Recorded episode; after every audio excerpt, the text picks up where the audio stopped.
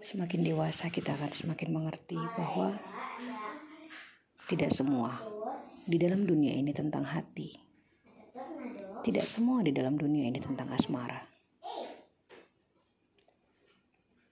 Mungkin kepergian yang satu dengan kepergian yang lain membuatmu patah. Pada masa kamu patah, kamu merasa sepertinya aku tidak bisa. Tapi lihat kamu sekarang. Kamu berdiri dengan sangat cantik. Kamu berdiri dengan kokoh dan kamu menuai semua pembelajarannya. Memang tidak setiap orang disiapkan untuk tetap ada bersama kita.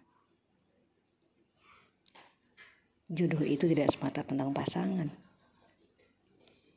Itu berlaku untuk pertemanan, persahabatan.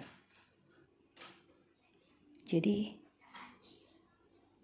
belajar lebih cepat mengikhlaskan apa yang seharusnya pergi.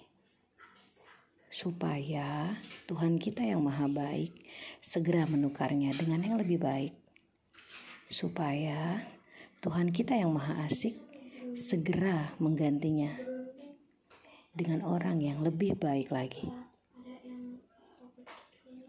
Jatuh cinta, resikonya patah hati. Makanya, berhenti mengikuti kata hati.